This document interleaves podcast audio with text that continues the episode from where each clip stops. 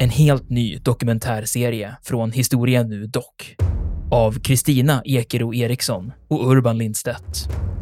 Det här är Vikingen i världen. Vikingarna, de var inte något främmande folk. Sannolikt är det ett slags tempel, ett kulthus helt enkelt. Enligt legenden så är rurikiderna skandinaver. Från skeppet och bränslet och slavinnan och hennes herre hade blivit till aska. Du hör dokumentären på historia.nu eller där poddar finns.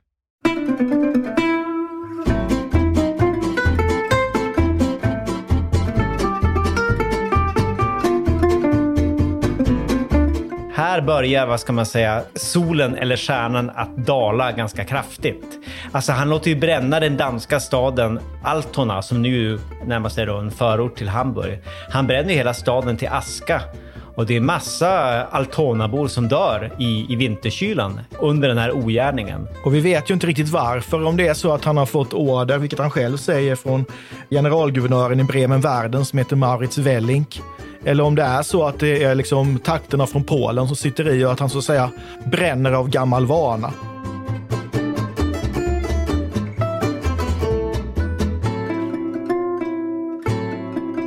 Podden En oväntad historia utgår från en liten händelse för att med glimten i ögat berätta den stora historien.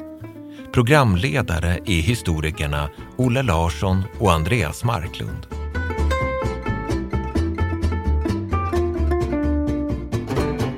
Tjena Olle! Hallå Andreas! Hur står det till? Det är prima liv här. Idag ska vi prata om en person som vi faktiskt redan har stiftat bekantskap med, fast kanske lite sådär indirekt, i det där avsnittet när vi pratade om Stenbocks kurir. Jag tänkte nämligen att vi skulle prata om Stenbock själv. Magnus Stenbock själv. Du vet den där äh, karolinska fältmarskalken och kungagunstlingen som gav dansken spö där vid Helsingborg 1710 och som under några år, under några korta år i början av 1710-talet var den förmodligen allra mest ryktbara och kanske också mäktigaste mannen i Karl XII Sverige. Bland annat då av den enkla anledningen att Karl XII då befann sig i Bender i någon slags landsflykt. Men jag tänkte börja med att fråga dig, Olle, som historiker och kännare av Sveriges stormaktstid, inte minst då stora nordiska kriget. Vilken är din relation till Magnus Stenbock? Magnus Stenbock ingår definitivt i mer om man ska tala om det som eh, Stora Nordiska krigets Hall of Fame. Han är ju en av de stora svenska generalerna. Det är ju Magnus Stenbock, det är eh, Carl Gustav Rensköld, det är Adam Ludvig Levenhaupt bland andra. Så äh, men han hör hemma där. Och för mig är han också då den som eh, sätter upp den nya armén, den nya fältarmén efter huvudarméns undergång vid Poltava. Den här armén som kommer att kallas för Stenbocks getapojkar som då samlas för att tåga ner i Helsingborg. Så att, ja, men jag tycker mig själv att känna Stenbock eh, ganska så bra. Jag tänker också på den här statyn som står i Helsingborg och där det står på socken att han var, han var stor i segern och större i olyckan. Det kan mm. vi återkomma till. Definitivt! fin passning där. Ja, men själv ägnade jag faktiskt då tre år av mitt liv, alltså närmast blomman av min ålder, åt att skriva en faktiskt ganska ambitiös och nog egentligen lite för lång biografi över Magnus Stenbock. Så jag har ju en väldigt nära relation, närmast en personlig relation tycker jag då till den här gamla, gamla Karolinen. Alltså jag naturligtvis aldrig träffat honom, i alla fall inte i, jag höll på att säga nykter tillstånd, i alla fall inte i va vaket tillstånd. Men jag känner alltså, igen det ja, men du vet, jag har ju läst typ hundratals brev som den här snubben har skrivit och massor av andra Eh, skrivelser för hans penna. Det återkommer vi till alldeles strax. Så det känns, som, det känns som jag känner honom. Jag vet i alla fall hur han tänkte, inbillar jag mig. Och framförallt så vet jag hur han inte tänkte i vissa kritiska situationer. Och det tänkte jag då återkomma till lite senare i det här programmet. Men alltså, att jag skrev den här biografin, det var ju då delvis en slump. Det, jag tror man kallar det för serendipity på engelska. Alltså jag, var, jag var svensk gästforskare i Köpenhamn i början av 00-talet och höll på med ett väldigt ambitiöst projekt om eh, nordisk krigspropaganda under något jag kallade för det långa 1700-talet. Jag skulle börja där vid belägna av Köpenhamn 1658 och gå hela vägen fram till Napoleonkrigen. Men det hände en massa grejer på vägen. Jag blev aldrig helt färdig med det här stora ambitiösa, den här stora ambitiösa exposén. Bland annat upptäckte jag då stenbock på vägen. Alltså jag höll på att gräva då i arkiven efter gamla skillingtryck och andra propagandatexter. Där jag upptäckte att man då på danska riksarkivet har en, en hel liten arkivsektion, en liten avdelning som faktiskt heter då Stenbockska saker. Och det visade sig vara en, en, alltså en total guldgruva. Jag snubblade över brev från Magnus Stenbock till hustrun Eva Oxenstierna, mängder av dem. Men också brev, tidigare olästa, då från Magnus Stenbock till Karl XII i Bender, från Magnus Stenbock till det svenska riksrådet, från Magnus Stenbock till mängder av svenska agenter och eh, militärer och hela det här, vad ska man säga, Karolinska nätverket i, det, vad ska man säga, i den svenska stormaktstidens elfte timme. Och det här fick mig naturligtvis att inse två saker. För det första, jag måste skriva en bok om den här tidsperioden med utgångspunkt i de här stenbockska sakerna. Men det gjorde mig också lite konfunderad allt det här. Eh, varför befann sig alla de här breven i Köpenhamn och inte då i det svenska riksarkivet? Alltså varför låg det då ett brev och väntade på mig i Köpenhamn som Magnus Stenbock hade skrivit till sin hustru Eva Oxenstierna, som ju då pendlade mellan Stockholm och familjegodset i Halland normalt. Varför låg det fortfarande i Köpenhamn? Och det finns ju en, en logisk förklaring till det och det tänkte jag att vi ska återkomma till i, i slutet av det här programmet. Men vi fortsätter med en stämningsbild, en historisk ögonblicksbild. Olle, året är 1716 och vi, vi, befinner oss då i en fängelsehåla på den dystra fästningen Fredrikshamns kastell i utkanten av Köpenhamn. Det är den fästning som också är känd under namnet Kastellet.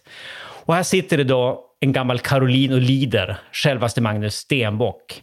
Gammal och gammal i och för sig. Han är väl strax över 50, vilket ju kanske inte låter urgammalt egentligen, men det var ju då en, det var ju en aktningsvärd ålder i början av 1700-talet. Och Stenbock är dessutom då, som han själv skriver, levt ett halvt människoliv under musköten. Alltså han hade varit i fält i över 30 år eh, och liksom blommat ut till en fullvuxen man i ett utdraget skarpt läge kan man väl säga. Och det har satt sina spår. Alltså när vi ser honom här i den här ögonblicksbilden så har han svårt att gå. Han stapplar fram på kryckor. Förmodligen har han inte så många tänder kvar, apropå ett tidigare avsnitt. Jag vet att han var svårt begiven på både söta viner och eh, bakverk med socker på i sin kraftsdagar. Dessutom har han en väldigt dålig mage och han har svaga lungor. Enligt egen utsago så håller han på att förgås av det han kallar för de miasmösa dunsterna. Alltså de, de hälsovådliga ångorna, eller vad ska man säga, fukten som stiger upp från fängelsekällaren in i cellen. Alltså det beklagar han sig ofta över i sina brev och, och anteckningar. Så det är ingen optimal situation som Stenbock då befinner sig i år 1716.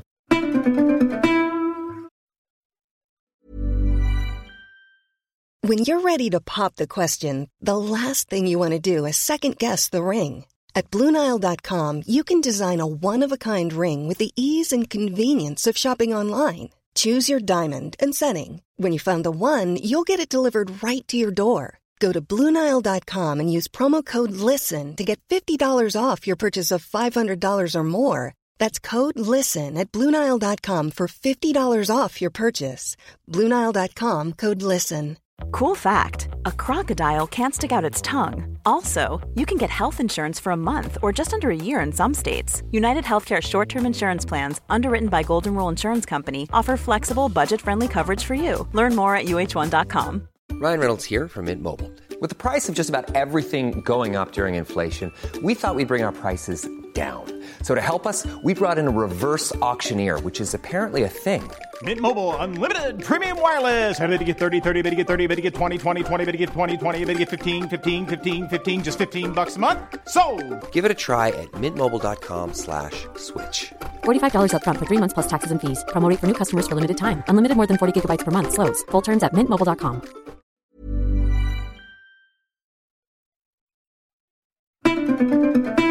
Och när vi tittar in i den här cellen så sitter han faktiskt och, och plitar ett slags testamente, alltså med då darrande hand vid ett fladdrande talgljus. Han sitter och skriver. Och jag måste nog läsa hela titeln på den här texten som vi, som vi ser att han då krassar ner med sin gåsfjäderpenna. För den är så tidstypiskt bombastisk och talande. Jag citerar. En kort dock sannfärdig relation om min tillstötta olycka som mig alldeles betagit med någon människa att tala. Mindre ett ord till min oskulds betygande att få skriva, eller vederbörligen mina förföljares stämplingar hos min nådigaste konung få förebygga. Det är roligt. Ja, det är Eh, någonting med den här stormaktstida svenskan som är fantastisk. Ja, det, det är så härligt slagkraftigt. Jag har ett sånt favoritcitat som handlar om en buse nere vid småländska gränsen. Där det står att hela trakten har burit räddhoga för hans stora arghet. Oj, oj, oj. Arghet. Oj, Ja, oj, oj. det är Vad här- fantastiskt. Härliga uttryck. ja, men den här texten fortsätter då med massor av sådana här jättehärliga formuleringar. Bland annat så beskriver Stenbock sig själv som usel maskemat. Och han ber också en stilla bön då i, i själva förordet till det här. Den här. Det är en slags försvarsskrift kan man säga. Han ber en stilla bön om, jag citerar, en snarlig, mild och nådig ände upp på detta mitt närvarande elände. Slutcitat. Ja, det är fint. Ja, visst är det vackert, men väldigt, väldigt tragiskt. Det här är ju Magnus Stenbock. Alltså, det här är hjälten från Narva och Helsingborg. Det är Karl XIIs gamla gunstling och eh, vad ska man säga, hans spexmästare. Det var han ju också. Måns Lurifax. Hur sjutton har han hamnat i den här knipan? Frågar man sig. Olle, jag tror vi behöver gå igenom då, vad ska man säga då, huvuddragen i Magnus Stenbocks liv och karriär. Och jag vet ju att du är den perfekta mannen för det uppdraget. Han ingår liksom i din, i din Hall of Fame. Alltså hur har han förtjänat den, vad ska man säga, den hjältegloria som man ju faktiskt eh, i vissa kretsar har än i våra dagar. Men alltså som man faktiskt hade under sin levnad också. Faktiskt, som man faktiskt fick redan före slaget vid Helsingborg. Alltså vad var det för bragder han utförde egentligen? Jag tänker mig att vi börjar när stora nordiska kriget bryter ut, alltså år 1700. Och då är Magnus Stenbock eh, 70 35 år gammal, tror jag. Ja, Han är eh, överste och chef för Dalregementet. Och i den egenskapen så för han befäl över regementet i slaget vid Narva den 20 november år 1700.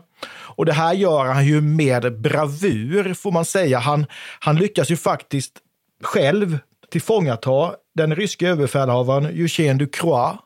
Han gör väldigt gott intryck på Karl XII och blir då genast befordrad till eh, generalmajor. Och det är ju ett rejält hopp i den militära karriären får man säga. Och han får ju här från och med detta en nära relation till Karl XII som då bara är 18 år gammal. Så Stenbock är nästan dubbelt upp kungens ålder. Ja, han är precis. Han är ju som en, en cool, erfaren snubbe lite grann, tror jag, i den unga kungens ögon. Alltså, och han är ju inte bara då en, en skicklig militär, utan han är ju ganska, en ganska mångbegåvad herre. Han är ganska bra på att skriva, han är rolig, han hittar på skojiga saker. Det mest kända är väl det här fantastiska snöbollskriget som han anordnar när man bygger upp en veritabel befästning av snö med allt som hör till med spanska ryttare och ja, you name it. Och man genomför en regelrätt Ja. stormning av detta. Jag har till och med för mig att det är några som sår, skadas ganska svårt under den här låtsasbataljen. Eh, skriver dikter, ordnar kalas. Eh, en spexare helt enkelt. Ja, lite festfixare sådär för monarken. Ja, precis. Och han, han, är han, han är som du nämnde, han är dessutom också bra på att skriva. Eh, han skriver ju flera texter till flera sådana här soldatvisor som än i våra dagar används, tror jag, i, i vissa kretsar. Bland annat då en, eh, en marsch som är känd som Stenbocksmarschen idag. Som jag tror fortfarande är Dalregementets paradmarsch. Jag tror till och med man kan hitta den på Spotify. Melodin är då inte skriven av Stenbock, men alltså innehållet, texten, attribueras ofta till Stenbock. Alltså det är en sån här check, Karolins text alla marschbussar, gång på i Herrens namn. Där får man in det mesta med Gud med de svenska vapnen och allt detta. Precis, Apropå precis. krigspropaganda så är det intressant. Exakt, och den sjöngs ju tydligen ofta då av eh, Karl XIIs armé. I alla fall under den där första lyckliga fasen där, fram till Poltava. Alltså efter att man först hade sjungit Vår Gud är oss en mäktig borg. Den gode Stenbock eh, uppförde ju också ett slags opera för Karl XII på Karl XIIs namnsdag efter slaget vid Narva. Som handlade då om, om segern vid Narva. Och det var ju eh, märkligt, vad ska man säga, eh, studentikos spektakel tror jag. Där eh, Stenbock var någon slags, kvarter, vad var han? Någon slags kapellmästare. Och eh, hade skrivit libretto. Flera av de här soldaterna från Dalregementet var med som eh, skådespelare. de var musikanter och de agerade också serveringspersonal, för det här var en ganska våt tillställning. Det serverades väldigt mycket vin under den här operan. Och jag tror också att publiken ibland drogs med i de här scenerna, så det var liksom så flytande gränser mellan liksom skådespelare och publik. Jag tror inte det skulle klassas som en, som en opera idag, men det kallades det då i alla fall. Ja, men det är ju hans påhittighet på alla möjliga plan som gör att han, alltså kungen får ju någon slags, eh, nästan på kärleksfullt förhållande till honom. Man kallar honom för Måns Bock och han kallar honom för Måns Lurifax. Så det tyder ju ändå på en, en, en närhet. Men han har ju naturligtvis en annan sida också som kanske är med, med nutidens ögon sett mindre sympatisk. Han blir ju chef för det som kallas för generalkrigskommissariatet. Och det innebär ju att han blir ansvarig för, ytterst ansvarig för truppernas försörjning. Bland annat då under de här åren då svenska armén tågar fram och tillbaka i Polen. Och här, går han ju, här visar han ju upp en synnerligen hänsynslös sida när det handlar om att eh, driva fram kontributioner från de polska bönderna. Han marscherar ju som han säger själv med facklan i hand. Man bränner ner byar och man plågar civila bönder. Det är ingen vacker historia, men det är en Nej. annan sida av honom.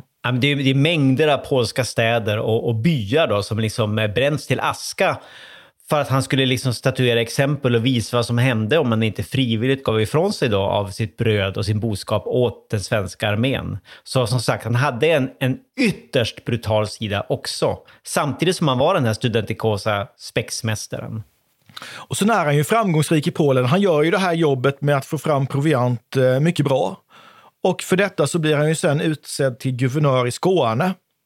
Och det är ju efter det polska fälttåget. Och eh, han är ju ansvarig också då för Skånes försvar. Och det är ingen lätt uppgift efter, efter det att den svenska fältarmén har gått under i Poltava den 28 juni 1709. För vi har ju egentligen ingen fältarmé kvar. Men han lägger ner ett jättejobb och han går ju faktiskt in med egna pengar och tar upp egna lån för att man ska lyckas stampa fram ytterligare en fältarmé. Och det gör man ju. Vi har ju en ny fältarmé uppställd sent 1709 som tågar ner till, mot Skåne och som besegrar danskarna i det här kända slaget i, eh, utanför Helsingborg den 28 februari 1710. Där eh, Stenbock och hans mannar, får man väl säga, räddar Skåne undan en dansk eh, återerövring. Mm, precis, och det är där han verkligen blir en, vad ska man säga, superhjälte i det karolinska Sverige. Han blir då utnämnd till, vad ska man säga, kungligt råd och han blir också utnämnd av riksrådet till fältmarskalk. Inte en av, av kungen då. Men alltså efter slaget vid Helsingborg så står han väldigt, väldigt tydligt då på, på höjden av sin makt. Näst efter kungen kan man nog säga att Stenbock under åren 1710, 1711, 1712, då är han nog den mäktigaste mannen i, i Sverige, i det karolinska Sverige. Men det är någonting som går fel. Väldigt, väldigt fel. Och det börjar med ett brev från kungen i Bender under våren 1712. Olle, vad var innehållet i den här ödesdigra skrivelsen? Och vilka konsekvenser fick det för, för Stenbock och hans karoliner?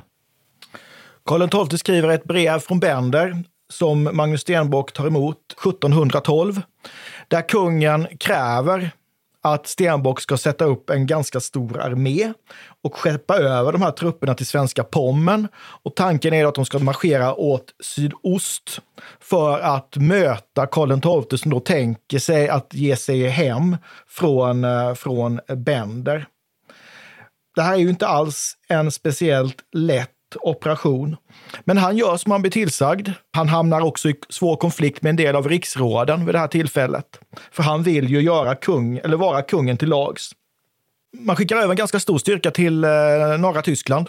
Det är väl en eh, 15-18 000 man. Ja, det är en stor armé. Det är en betydande armé. Ja. Men det går ju inte som man har tänkt sig, utan man kan inte marschera åt sydost, utan man är helt enkelt tvungen att gå åt motsatt håll, tåga åt nordväst helt enkelt. Och det gör man ju, förföljd av en ganska stor fiendestyrka som består av danskar och saxare. Och den här styrkan drabbar man ju samman med i, eh, på en plats som heter Gardebusch i december 1712. Och svenskarna segrar, och det här är väl den sista stora svenska segern under det stora nordiska kriget. Men det förändrar ju ingenting i sak egentligen. Förändrar ingenting i sak, men det är faktiskt en ganska ombesjungen seger i krigspropagandan. Han hyllas ju efter den här segern av mängder av potentater, inklusive Solkungen, Ludvig den XIV för att liksom vara en av Europas största fältherrar. Så här kan man väl säga att eh, Stenbocks sol, kan man väl säga, hans stjärna står i, i topp just precis i det här ögonblicket. Jag har för mig att det är i samband med det här slaget som Karl XII skriver att näst Gud har vi Kronstedt och hans kanoner att tacka för denna Victoria.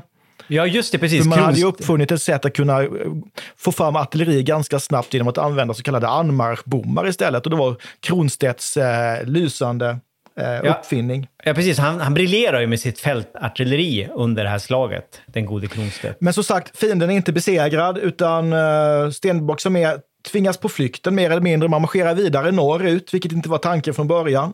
In Definitivt i Schleswig-Holstein. Ja. Och här så skaffar sig ju Stenbock, kanske man kan säga, herostratisk ryktbarhet, eh, bokstavligt talat, genom att bränna ner staden Altona.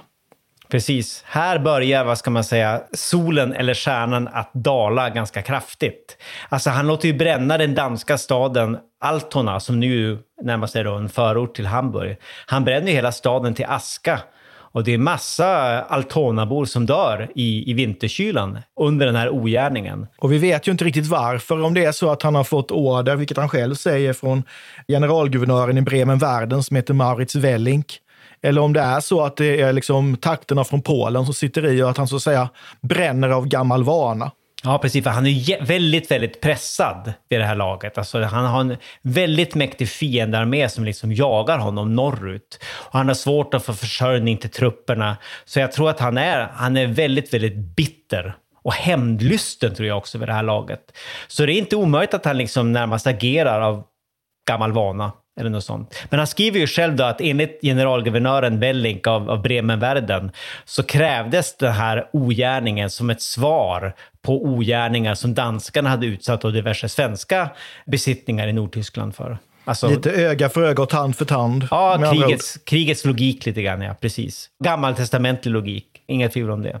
Och sen marscherar Stenbocks armé vidare och kommer till den här fästningen vid Tönningen som ligger vid Nordsjön, ligger i Holstein-Gottorp. Holstein-Gottorp är ju allierat med Sverige och här får svenskarna beskydd. Men det går ju inte alls bra, utan man hoppas ju få fram förstärkningar från Sverige, men det kommer inga förstärkningar. Att vara instängd i en befästning är alltid förenat med vissa risker. Människor tätt packade, sjukdomar sprider sig, det blir brist på mat och till sist blir ju eh, situationen ohållbar. Och de danska trupperna har ju också inlett en eh, belägring av, av Tönningen. Och till sist har man inget val utan Stenbock kapitulerar i maj 1713 Ja. för den danske kungen Fredrik fjärde. Precis, han gör det personligen. Han överräcker sin, sin värja till Danmarks enväldiga konung. Och i samma veva så gick det över 10 000 svenska soldater då i dansk fångenskap. Rätta mig om jag har fel, men var det inte då en del av de här svenska krigsfångarna såldes som slavar? Jo, Eller precis. galärslavar? Precis. Det var, det var i samband med det här. Fruktansvärd historia för övrigt.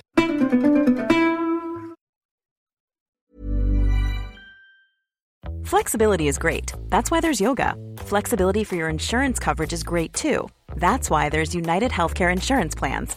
Underwritten by Golden Rule Insurance Company, United Healthcare Insurance Plans offer flexible, budget friendly coverage for medical, vision, dental, and more. One of these plans may be right for you if you're, say, between jobs, coming off your parents' plan, turning a side hustle into a full hustle, or even missed open enrollment. Want more flexibility? Find out more about United Healthcare Insurance Plans at uh1.com. Need new glasses or want a fresh new style? Warby Parker has you covered. Glasses start at just 95 bucks, including anti-reflective, scratch-resistant prescription lenses that block 100% of UV rays. Every frame's designed in-house with a huge selection of styles for every face shape. And with Warby Parker's free home try-on program, you can order 5 pairs to try at home for free. Shipping is free both ways too. Go to warbyparker.com slash covered to try 5 pairs of frames at home for free. warbyparker.com slash covered. Quality sleep is essential. That's why the Sleep Number Smart Bed is designed for your ever evolving sleep needs. Need a bed that's firmer or softer on either side? Helps you sleep at a comfortable temperature? Sleep Number Smart Beds let you individualize your comfort so you sleep better together. JD Power ranks Sleep Number number 1 in customer satisfaction with mattresses purchased in-store. And now save 40% on the Sleep Number limited edition smart bed for a limited time. For JD Power 2023 award information, visit jdpower.com/awards. Only at Sleep Number stores or sleepnumber.com.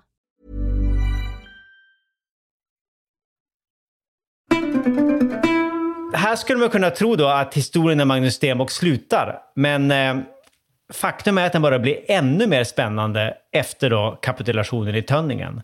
Det är nu som den, vad ska man säga, riktigt oväntade fasen inleds. Alltså det som sist, till sist då leder Magnus Stenbock då huvudstupa ner i graven. I min egen bok så förfäktar jag ju då tesen att, att Stenbock dog av akut äreförlust. Alltså i kombination då med ett ganska dåligt hälsotillstånd i största allmänhet. Och själva banehugget var resultatet av ett lömskt men ändå väldigt sinnrikt, diaboliskt sinnrikt danskt postspionage. Låt mig nu berätta hur det började. Stenbock behandlades då ganska bra i början av sin, av sin danska fångenskap. Han åt ofta middag med kungen. Han hängde ut med höga militärer och hov, hovdignitärer.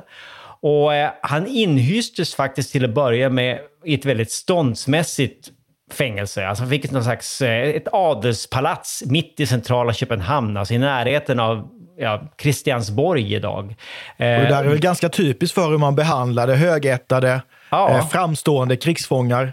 Precis. Då var ju sällan inte krigsfångenskapen något större besvär, förutom Nej. att man inte fick komma därifrån. Nej, precis. Så var det också för Stenbock i början. Alltså, han hade ju med sig sina personliga ägodelar. Han hade hela sin tjänarstab med sig. Han fick föra öppen korrespondens med, med hemlandet för att liksom skydda sina privata intressen och så vidare. Men han blev då mer och mer frustrerad under tiden i Köpenhamn eftersom då det här frisläppandet som han väntade på drog ut på tiden.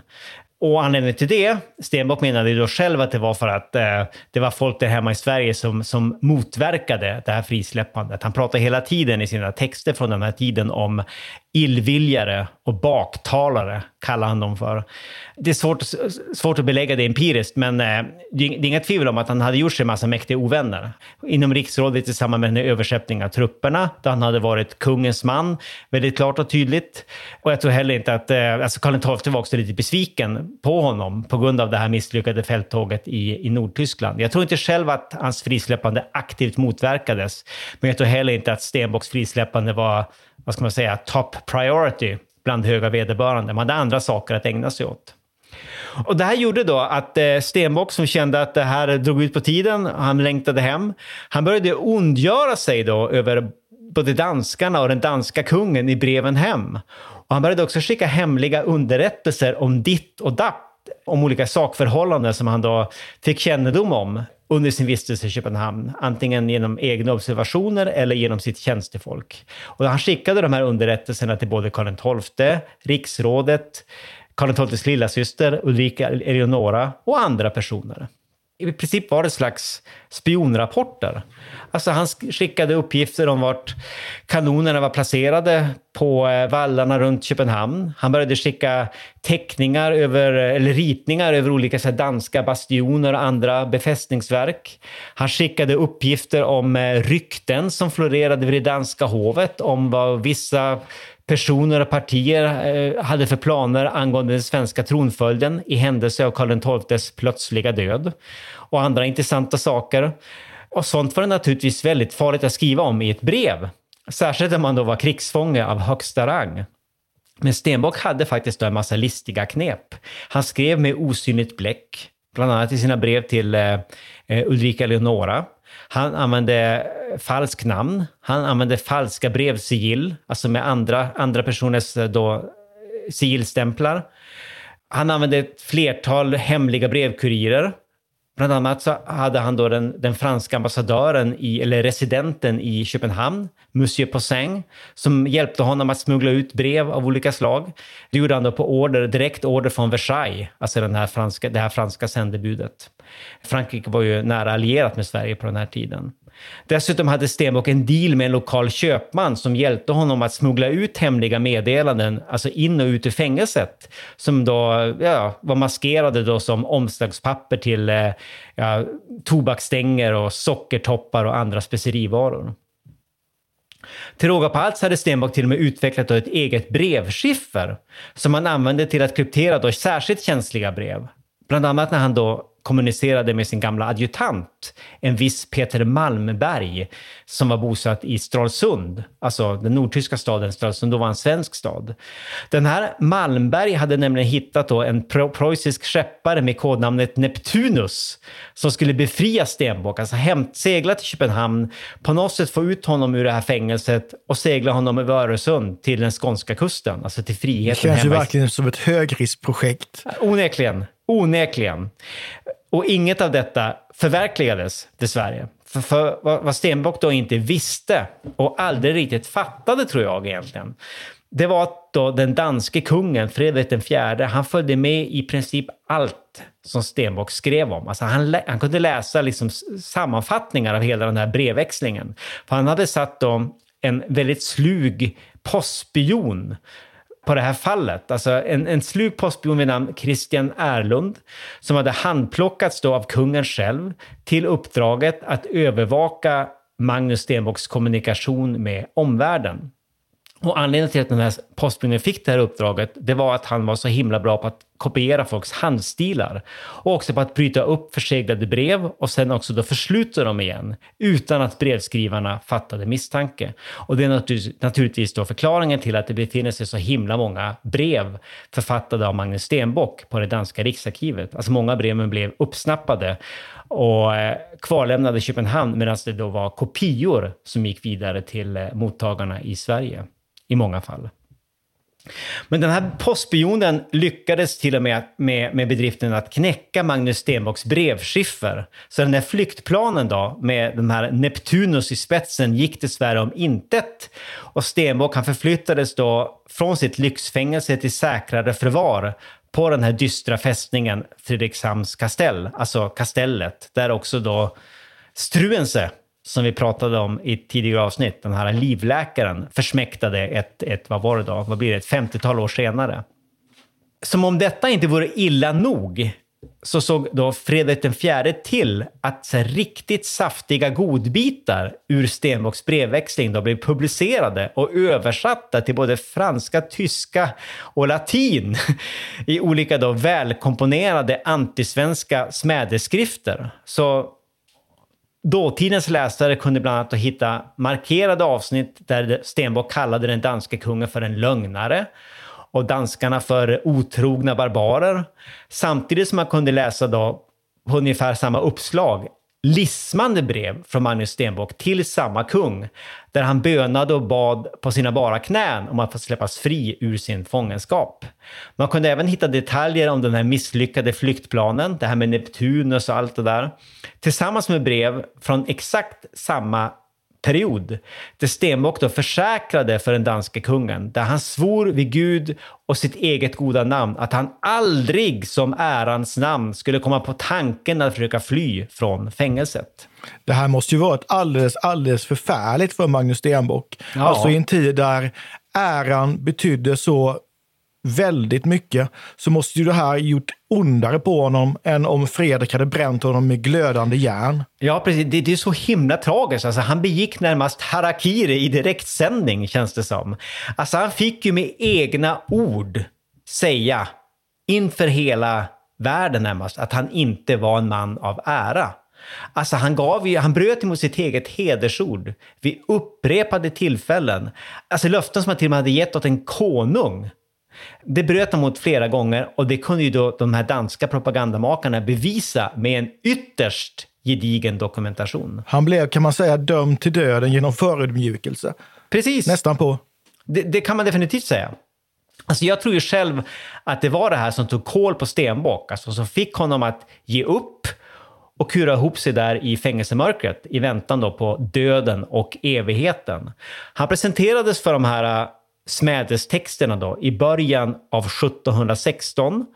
Och ungefär ett år efter det så avled han, efter att först ha sammanställt den här försvarsskriften som jag nämnde då i, i stämningsbilden, som han sen då gömde undan i en dubbelbottnad kista och som hamnade i Sverige efter ett antal år, alltså efter då Stenbocks död. Och i den här texten skriver då Stenbock bland annat att han längtar bort från citat, sin usla och utmattade kropp efter att då inför hela världen ha utropats som spion och annat ärelöst. Så vad tror du om den teorin egentligen, Olle? Det får bli min avslutande fråga. Tror du att man kan dö av eh, akut äreförlust? Eller kunde man göra det på 1700-talet i alla fall, om man var adelsman? Utifrån det jag tycker mig kunna om stormaktstiden och, och framförallt personer ur Magnus Stenbocks eh, samhällsklass så tycker jag att din teori där är i högsta grad rimlig. Äran betydde så oerhört mycket. Utan äran var man ingenting. Det fanns ingenting kvar, ingenting att kämpa för, ingenting att hoppas för. Och om inte jag missminner mig så är det väl så att Magnus Stenbocks far en gång höll på att förlora sin ära i samband med förmyndarregeringen under Karl XI. Jag minns inte riktigt vad det handlade om. Men att Magnus Stenbock redan då tog väldigt illa vid sig av faderns förlorade heder och ära och var fast besluten om att det var han, han, han, han som skulle återupprätta släkten igen. Ja, och precis. det gjorde han ju. 1710 stod han ju kanske på toppen av sin levnadsbana och sen går det ut för. Och när det inte finns någonting kvar så tror jag att han känner att jag vill inte vara med längre. Jag kan lika gärna dö. Ja, men det är fullständigt korrekt, Olle. Jag håller med dig. Alltså, han hade kämpat hela sitt liv för att liksom återupprätta familjenamnet efter, efter faderns fadäs. Det var den gode Gustav Otto Stenbock. Han var ju riksamiral under skånska kriget och gjorde bort sig lite grann. Han kunde typ ingenting om eh, marinen och skickade ut en, eh, en flottexpedition i början av eh, skånska kriget som typ fick vända hem igen efter bara några veckor utan att överhuvudtaget ha liksom kommit i närheten av fienden. Men eh, stora delar av besättningen var eh, dödssjuk i eh, dysenteri och så vidare och det var hårda stormar och så vidare som hade härjat flottan. Det var väldigt dåligt förberett och Karl XI blev väldigt, väldigt Och då arg. utser man Lorenz Kreutz istället. Och det gick ju inte så värst mycket bättre med tanke på vad som hände med kronan utanför södra Öland 1676. Det kan vi Exakt. prata om någon annan gång kanske. Exakt. Ja, men utmärkt Olle, det var jättekul. Jättetrevligt. Jag tror vi sätter P här och eh, vi. vi. ses, vi ses nästa vecka. Det gör vi. Tack Hej då. för idag. Hej, tack, hej, hej. Vi tackar programledarna Olle Larsson och Andreas Marklund. Kontakta gärna Olle och Andreas på ovantad@historia.nu. Vi läser allt, men hinner kanske inte alltid svara.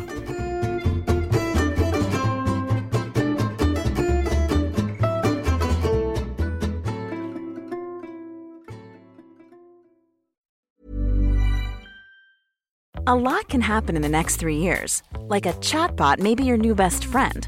But what won't change? Needing health insurance. United Healthcare Tri Term Medical Plans are available for these changing times.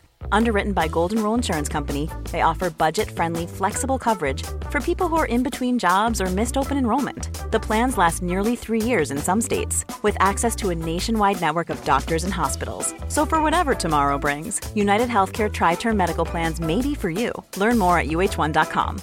Need new glasses or want a fresh new style? Warby Parker has you covered. Glasses start at just 95 bucks, including anti-reflective, scratch-resistant prescription lenses that block 100% of UV rays.